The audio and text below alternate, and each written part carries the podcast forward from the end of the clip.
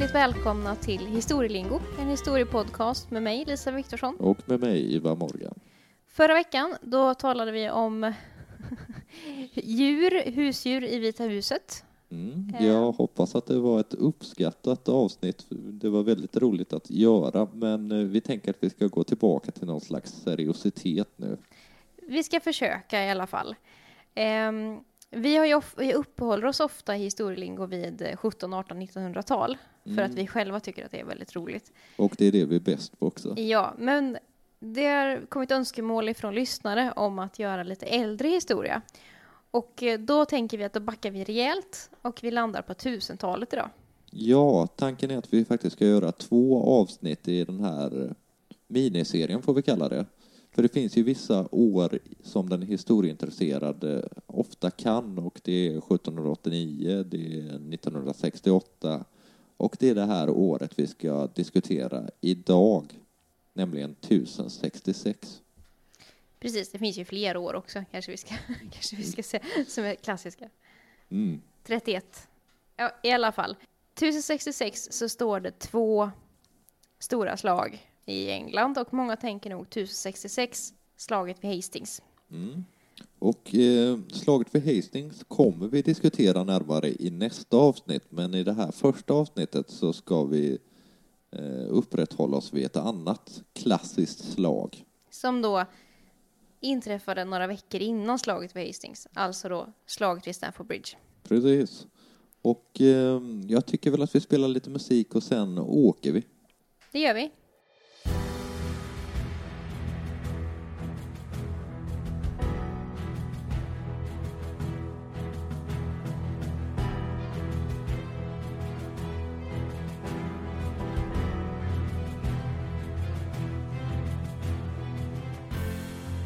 Att förstå liksom slaget vid Stamford Bridge och vad det handlade om så behöver vi nästan ha en bakgrund till det, eller en kontext.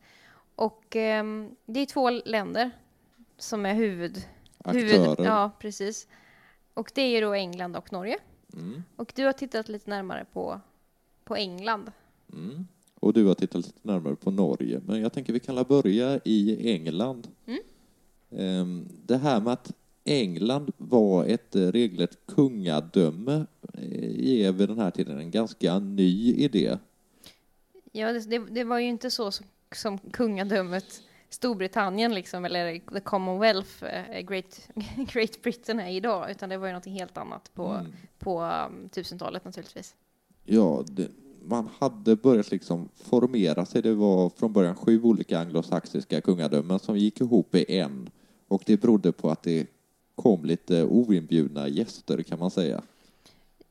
Precis, eh, vikingarna. Och det talade vi, det vi om i, i ett avsnitt i höstas. Mm, precis.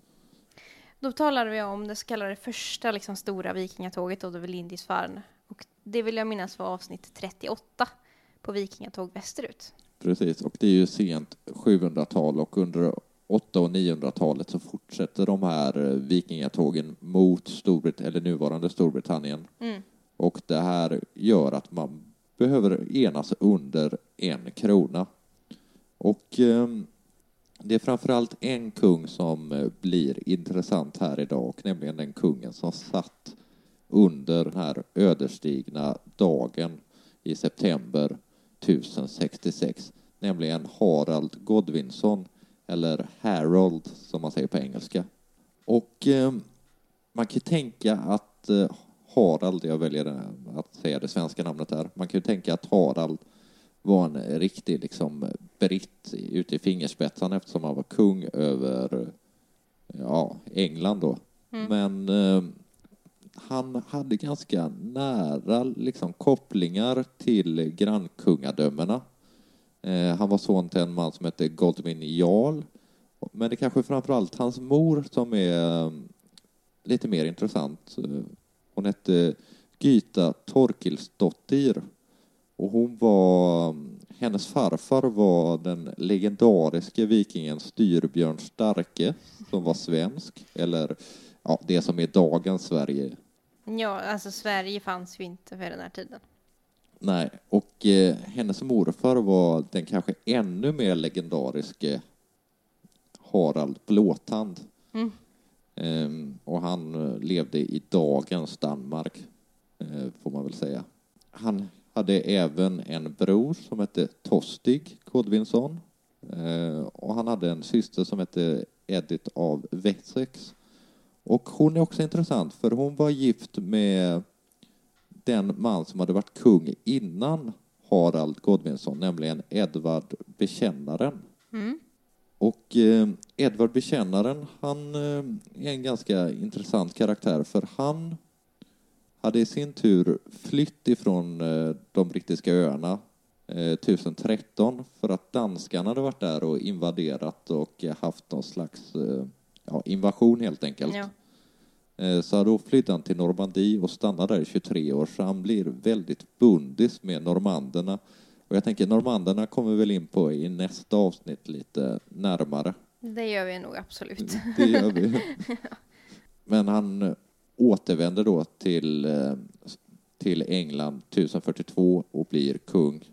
Och då har han liksom, ja, blivit normandiserad, om nu det är ett ord. Och eh, det tyckte inte saxar och danskar var så jättekul när han började tillsätta normander på, på viktiga poster. Men han dör 1066. Ehm, men det återkommer vi till. Eh, ett år tidigare, 1065, så händer det grejer i Haralds liv. Om vi återvänder till Harald. För då blir han rejält osams med sin bror Tostig. För, eh, ja, han hette Tostig. Jo, jag vet, men det, det är ett fascinerande namn. Att de hade ju ofta det, människor vid den här tidpunkten i historien. Ja. Eh, Tostig i sin tur, han styrde och ställde i Northumbria, det vill säga ett, eh, ja, ett område i norra England. För övrigt eh, samma område som det där klostret vi diskuterade tidigare låg i. Mm. Men eh, nu väljer Harald att med hjälp av lite rebeller och så avsätta sin bror. Eh, och han störtas. Och eh, då väljer Tostig att eh, liksom i någon slags hat mot sin bror slå sig i slang med den norska kungen Harald Hårråde. Mm. Och det är här din research kommer in. Eh, precis. Jag tänkte vi kan börja med så här, hur Norge såg ut eh, på 1000-talet. Mm. För att det är en ganska stor skillnad mellan Norge och Sverige vid den här tiden. Mm. Sverige, som det ser ut idag, fanns ju inte. Nej. Och det kommer ju dröja ytterligare eh, 200 år innan Sverige blir Sverige liksom och enas. Eh. Men Norge däremot, det är redan under det tidiga 1000-talet som Norge enas Mm. under kungen då Olof den helige. Mm. Och det är också ansett låter kristna Norge. Mm. Och när det gäller kartan så att säga så såg Norge ut ungefär som Norge ser ut idag. Ja, precis. Faktiskt. Så, att, så det, det är relativt sig likt på vissa sätt, på vissa sätt inte. Och det är då Sankt Olof vi snackar om nu. Precis. kallas han i folkmun. En liten rolig eh, parentes till han är, du vet Stockholms stadsvapen? Ja, Sankt Det- Erik. Ja, det, det är många som tror att det egentligen är en staty av Sankt Olof som man haft som förlaga. Men att den här statyn har tappat skägget och att man då tror, har trott att det var Erik den helige. Så att eh, egentligen är det Sankt Olof. Ja, det, det vet vi ju inte riktigt. Men Nej, det, det är klart att vi inte vet, men det, Men- det spekuleras om det i alla fall. Ehm, och Olof den helige också, han har ju blivit ett skyddshelgon för, för Norge och Mm. finns ju på många olika typer av så här sköldar och symboler och sånt. Ehm, men då har vi liksom för oss lite hur Nor- Norge ligger lite före eh, i Norden kan man säga med att ha ett enat kungarike på detta sättet då. Ja, ungefär 200 år före då, helt enkelt. Ja, När det gäller Sverige, statsbildning. Sveriges statsbildning vid den här tiden, det är ju ett fullständigt kaos. Mm. Det, är, det är svårt Mm. att sätta sig in i. Med små, små, små, små, små kunga och hövdingadömen. Men Norge är ungefär, kartan ser lik som den är idag. Och eh, då ska vi då tala om eh, härföraren eh, för vikingarna vid slaget vid Stamford Bridge. Och det, han heter också Harald, Harald Hårdråde som du var inne på. Och han var kung i Norge eh, från 1045 till 1066. Mm. Och vi kan inte riktigt börja med honom, utan jag tänkte vi ska prata lite mer om hans storebror då, Olof den helige. Mm. För att de var bröder, fast Olof den helige, helige var väldigt mycket äldre, han var nästan 20 år äldre då. Lite mer helig var han också. Precis. Och Olof var en stor eh, idol för Harald när han växte upp, för att Olof var ju ute och plundrade i hela Skandinavien. Eh, sådär. Och han blev kung 1015. Mm. Och det är alltså samma år som Harald föds. Så att Ja, han ganska... växer upp med att hans bror är, och är kung, helt enkelt. Mm. Men efter några år så förlorar Olof makten mot eh, Knut den store, Mm, som då var en dansk kung. Och eh, han flyr tillsammans med sin bror. Han tar med sig lillebror Harald och de flyr till Gårdarike, som då är vikingarnas namn på en del av Ryssland som idag då Precis. kallas, eller runt dagens Novgorod, eh, som kallades för Gårdarike. Och de bodde där i några år och eh, så händer det saker i Norge. Knut den heliges eh, närmste man, Håkon Eriksson, han dör och Olof ser liksom att nu kan jag ta revansch. Så att han tar med sig en stor här ifrån nuvarande Sverige och även från Norge och en del islänningar, en stor bonde här på flera tusen man eh, som går till attack mot eh, den här danska ledningen så att säga. Och det kallas då för eh, slaget vid Siklestad. Just det. Just det. Och eh, där dör Olof. Och eh, Harald han måste fly igen för att då har han ju fiender i Norge liksom. Så då måste han fly igen och han via nuvarande Sverige så tar han sig tillbaka till Gårdarike. Mm. Man nöjer sig inte där utan han reser runt som bara den i eh, liksom dagens Östeuropa. Han eh, åker runt och han får en tjänst i Kiev eh, hos eh, storfursten Jaroslav den förste. Och, Just eh, det. Som livvakt va? Ja, som han är med och strider och slåss i slag och sånt där runt om i nuvarande Ukraina då. Och han em, får senare även en tjänst hos en annan storfurste som heter Mikael i Miklagård. Och han reser till Konstantinopel och em, han tar sig hela vägen till Sicilien. Och där är han också med och slåss lite grann. Sen kommer han tillbaka till eh, Kiev igen och gifter sig med Jaroslav den förstes dotter. Ja, okej, det, var, det var inte illa. Det verkar ju som det är väldigt mycket eh, att slåss som gäller för... Ja, rådet. det här är en riktig viking höll jag på att säga. Ja, ja det får man Eh, säga. han gillade att slåss. Eh, han gifte sig i alla fall då med Jaroslavs dotter Elisif. Och efter giftermålet så kommer de tillbaka till Skandinavien. De slår sig ner i Sigtuna först. Mm.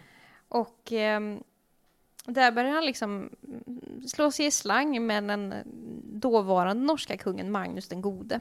Mm. Och eh, det var ju då hans brorson, alltså Olof den heliges son Magnus. Och sen så dör Magnus och Harald blir då kung eh, i Norge. Efterträder brorsonen. Och eh, vad vill han göra då? Jo, han vill slåss. Mm, det är klart. Det verkar lite ligga i hans intresseområde. Han vill återta det så kallade Nordsjöväldet. Han vill liksom ha makt över hela Nordsjön. Och eh, det hade han ju inte. Så då får han ju börja slåss för det och han gör... Eh, först attackerar han Danmark med stor vikinga här och eh, eh, i- liksom i, i det som är nuvarande Halland då, alltså som är svenskt Mm. idag, eh, så gör man några eh, attacker. Men man nöjer sig inte där utan man ser ju ytterligare västerut och vill till England. Ja, och det här har ju just eh, Edvard Bekännaren dött, som jag pratar lite om. Ja. Och det har uppstått ett så kallat maktvakuum. Vem ska, vem ska egentligen ta över den här tronen? Eh, vi har ju till exempel eh, eh, Harald, som jag pratade om, Godvinsson. Han anser att han ska ha kronan och han eh, menar att han har blivit lovad den på dödsbädden av eh, bekännaren då. Mm. Eh, sen så har vi ju även kusinen till bekännaren, Wilhelm, som senare kommer bli erövraren, som vi kommer in Ja. på i nästa avsnitt. Och sen så har vi ju då Harald också. ja, alltså det här med kungamakt såg ju lite annorlunda ut mot idag. Mm. Det är inte så att man, man föds in i monarkin och värver per automatik eh, kronan, även om, även om det har varit till, alltså även om det har gått till så också, även i det här tidiga liksom, eh, medeltida eh, monarkierna, så är det inte alls som idag, utan det var lite mer godtyckligt vem som skulle vara kung och man kunde utropa sig själv till kung och man kunde döda Precis. kungen för att bli kung själv och sånt. Och sånt höll man på jättemycket med i Sverige, eh, med de här små hövdingdömena som man hade i Sverige vid den här tiden. Man slog ihjäl den som stod i vägen och så vidare. En barbarisk tid på många sätt. Och eh, vi får väl säga att eh, Harald Godvinsson, han får det ganska svårt för det blir koordinerande attacker på hans eh, kungadöme som han inte hade särskilt länge. Eh, han satt från 5 januari till 14 oktober som kung. Men jag tänker att vi kanske är dags att vi tar oss till Stamford Bridge.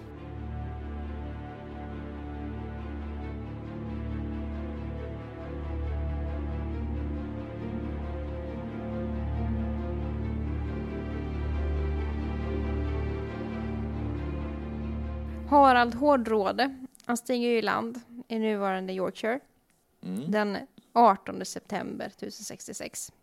Och med sig hade han 200 långskepp och på de här så var det ungefär 10 000 eh, beväpnade män. Vikingar. Vikingar helt enkelt, ja. Ja. Och eh, han vinner ganska snabbt eh, några segrar mot några mindre arméer. Och sen så beslutar han att han ska tåga mot York. Mm. Då, då finns det lite delade uppfattningar och meningar om vad han skulle göra i York. Mm.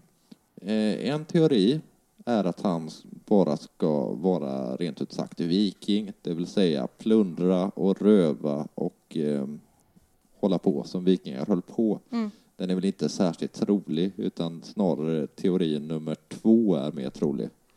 Att han skulle hålla någon form av möte eh, där han skulle vinna liksom, förtroende. Någon form av fredligt möte. Och det som grundar den teorin är ju att de, de här vikingarna var väldigt dåligt rustade. De kom utan rustningar. Precis, för den 25 september som vi har tagit oss till nu, som är dagen eh, D, Ja, det får vi väl får säga. väl kanske. säga. Ehm, Då är det väldigt, väldigt varmt. Och det är ju inte särskilt trevligt att marschera mot en stad om man ska ha på sig ringbrynja, om man ska ha på sig rustningar och hjälmar och hela konkarongen. Nej, och ska man dessutom, om syftet var en fredlig liksom, manifestation eller vad man ska kalla det, så är det också kanske lite avväpnande att inte komma fullt rustade. Vad vet vi? Och eh, man trodde ju inte att man skulle råka på några större problem heller. Man hade ju vunnit över de här lokala liksom förstarna, eller vad jag ska säga, de här lite mindre slagen. Mm. Och sen så trodde man att Godwinsson, han måste ju vara i London, för det har ju börjat ryktas om att eh, Wilhelm ska komma från eh, Normandie, så att eh, man var bensäker på att eh, Godwinsson var kvar i London. Hårdrådet tänkte väl att det fanns en lucka för att blicken var riktad mot södra England och man var rädd för normanderna. Och då tänkte han att då finns det lucka, jag kommer norrifrån och så slår de med överraskning så att säga. Precis. Och ehm, så man lämnar helt enkelt brynjan och rustningen. Och sen så, så börjar man den här marschen. Fast sen så kommer man till en plats som vi inte riktigt vet vart den är. Nej, Faktiskt. Arkeologiska fynd har inte kunnat visa vart det här ska ha varit. Men det är någonstans enligt källmaterialet eh, nära en flod som heter Deerwant. Mm. Och eh, det är ju så då att den engelska armén och hären har ju sprungit så att säga nästan för att komma den här. För det har gått rykten om att eh, norrmännen är på väg, vikingarna kommer och de har då förflyttat sig extremt snabbt Ja, och möter dem där. Precis, för de har gått eh, 30 mil på fyra dagar. Och det här är ju väldigt snabbt marscherat. Ja, alltså det är ju sträckan eh, Malmö-Göteborg Mm. som man går till fots på fyra dagar med rustning. Med, med, ja, precis, med rustning. Så att det, de, de var ju snabba, engelsmännen här. Mm. Och de, deras här består av ungefär ja, cirka 12 000 man någonting. Det är ju alltid svårt med nummer när man pratar så här. Ja, Gammal historia. Det, det, vi kan inte veta exakt. Men eh, något åt det hållet. Och eh, man ser plötsligt den här engelska hären dyka upp på en bro vid den här floden. Mm. Och det är den här bron då som kallas Stamford Bridge. Och eh, liksom, vikingarna blir ju väldigt överraskade naturligtvis över att helt plötsligt kommer det en jätte, jättearmé fullt rustad. Ja, som dessutom är större än den egna armén. Till en början går det ganska bra för man ställer sig i, liksom, i en cirkelformation där man då har de sköldar och lansar man har med sig ställer man sig då och riktar utåt och man står så att man, man håller ryggen om varandra så att säga. Ja, det, det handlar ju om att inte lämna några flanker fria liksom för eh, fienden att eh, kunna hugga in på.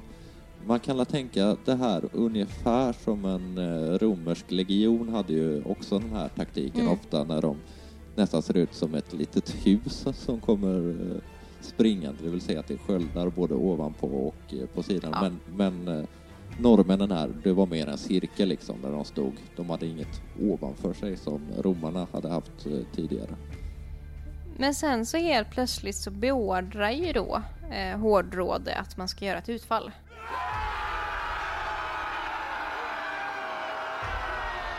Ja, och det här vet man inte riktigt varför. Det råder väl lite olika uppfattningar om det här också. Kanske så ville man ge igen med samma mynt som engelsmännen har haft, det vill säga en överraskningseffekt. Ja. Det är ofta bra i krigsföring att göra någonting som eh, motståndaren inte är beredd på. Precis. Sen, sen var det ju inte så smart eftersom att man inte var fullt rustade och dessutom så var man färre. Precis. En annan teori är att det här är ganska smart spelat om man ser det här som ett schackspel från Godwinsons sida för att han då har gjort någon slags låtsasflykt. Mm. Vilket gör att eh, norrmännen tror att de helt plötsligt är något slags överläge och därmed bryter den här formationen. För det är det som händer, formationen bryts och då blir det så att säga strid man mot man helt plötsligt när, när väl formationen är bruten. Och då hade ju vikingahären inte en chans. Nej, Naturligtvis. Eh, det säger ju sig själv i och med att de inte hade samma utrustning och de hade absolut inte numren på sin sida.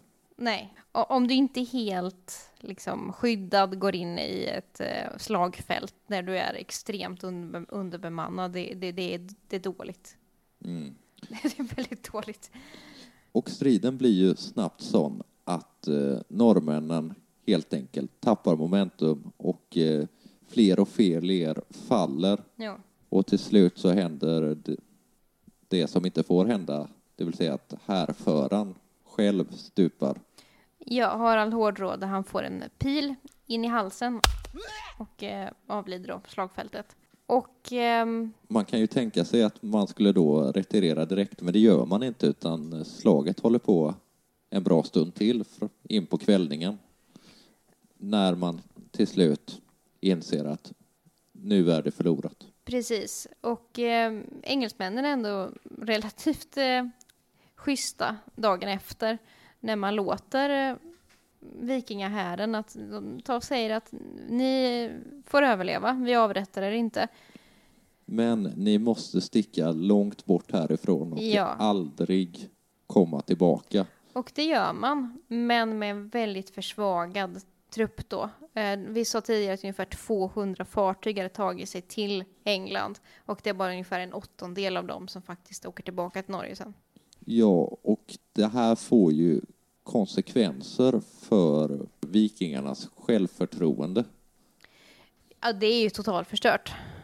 Ja, det, det förstår man ju själv. Deras stora liksom eh, härförare liksom den liksom stora vikingahövdingen är ju, är ju död och dessutom så har man ju förlorat flera tusen eh, soldater, eller vikingar eller vad man nu ska kalla dem, eh, i det här slaget. Så det är klart att det fanns väl inte riktigt kraft och energi för att försöka bygga upp en ny här och åka tillbaka och försöka vinna England igen. Eh, utan, ja, Och man hade ju, som vi har varit inne på tidigare avsnittet, man hade ju haft England som någon slags lekstuga man kunde åka till och härja ja mycket under 200 år ungefär.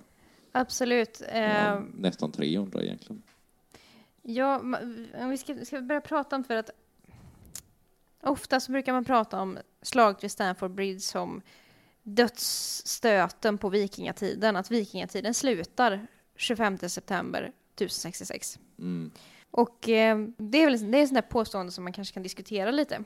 Mm. Det är ju kanske en sanning med modifikation kan man säga. Eh, Jag förstår verkligen de som menar att det är på det sättet, även om eh, man kan inte säga att en specifik händelse eh, liksom stjälper en hel era. Nej, det kan man inte riktigt, för att det kommer ju vid ett par tillfällen till så kommer vikingaherrar försöka att göra attacker mot Storbritannien, eller nuvarande Storbritannien. Eh, men inte alls då i den här omfattningen och på det här seriösa sättet att man ska ta över hela liksom, brittiska öarna, lilla England. Det blir aldrig något mer slag i den här storleken. Vi pratade ju i avsnitt 38 om Lindisfarne Mm. och eh, just Alltså vi kan säga när det gäller epoker generellt så vi kan aldrig säga när en epok börjar exakt och när den slutar. Det, kan man, det är väldigt svårt att säga för att det lappar ju över varann. Vi pratade för några veckor sedan om Mary Wollstonecraft Mm. och eh, att hon befann sig i ett gränsland mellan upplysningstid och romantik i sitt författarskap. Mm. Och det är ju så för att epoker alltid överlappar varandra. Det finns alltid liksom en överlappning. Men skulle man vilja sätta datum på, på vikingatiden Ja. som epok så, så finns det två datum som ofta nämns. För just vikingatiden så är det många som har ett start och ett stoppdatum på. Och många säger ju då att vikingatiden, den börjar den 8 juni 793. När man då överfaller klostret i Lindisfarne. Mm. Och det slutar vid nederlaget vid Stamford Bridge den 25 september 1066. Och då skulle då alltså ganska exakt 273 år skulle då vikingatiden ha varit. Och det är väl rimligt att man tar den första stora räden eller attacken och ställer den då som det, sista stora slaget eller attacken. Ehm, och låter det bli någon slags markörer. Ja, och, och det, det kan man väl göra liksom generellt, generalisera på det sättet, men det är med modifikation för att det kommer ju några slag till efter 1066 och det fanns ju vikingar inom citationstecken innan 793 också. Så att Ja, sagorna slutar ju inte där. nej, det, det, det är väldigt svårt att sätta da, bäst före-datum på en hel eh, historisk period så att säga. Men eh, jag tycker ändå man kan säga liksom att slaget vid Stamford Bridge är ju någon slags, det är ju dödsstöten på vikingaeran eller vad man ska kalla den då. Mm. Sen blir det ju mer och mer, det- här vikingatid versus medeltid i nordisk historia är ju lite flytande. För nere i Europa så är det ju hö- det är högmedeltid vid den här tiden. Medan i, i de nordiska länderna så har man ju det som man brukar kalla för vikingatid och eh, som ju är en del av järnåldern. Mm. Eh, Och om man tittar på Sverige så kommer det dröja 200 år innan liksom, Sverige ens är en, ett land. Precis. Men eh, jag tycker att vi har lagt en ganska bra grund här inför nästa veckas avsnitt som då ska behandla Hastings. Ja, då kommer vi prata om Normandie, Bayeux-tapet och eh, slaget vid Hastings. Jag hoppas ni tyckte det här var lite roligt med ett- ett helt annat ämne än vad vi kanske brukar prata om. Vi brukar ju inte prata jättemycket militär historia. Nej, det finns det folk som kanske är lite bättre än oss på. Det finns det absolut och vi brukar heller inte prata om vikingatid för det finns det också folk som är mycket bättre än oss på. Eh, Men jag tyckte ni, hoppas ni tycker det var intressant i alla fall och att ni vill vara med nästa vecka när vi får avsluta då den här eh, Miniserien får vi kalla det. Ja. Om ni vill komma i kontakt med oss så kan ni göra det på historielingo.gmail.com. Och vi har även eh, Instagram, där heter vi Historielingo. Exakt. Och hör gärna av er om ni har frågor, frågor, funderingar, åsikter eller vad som helst. Och vi kanske också ska säga att det går väldigt bra att eh, om, om ni lyssnar på podd i en poddapp så går det väldigt bra att lämna ett liten recension eller omdöme. Mm. För det, vi är en ideell podcast och vi eh, Vi gillar uppmuntran. ja, det gör väl alla. Men det är ett kvitto på att någon också lyssnar på, på podden. Så att vi kan fortsätta. Så det skulle vi bli jätteglada över. Men tack för idag och ha det bra tills nästa vecka. Ha det gott. Hej. Hej.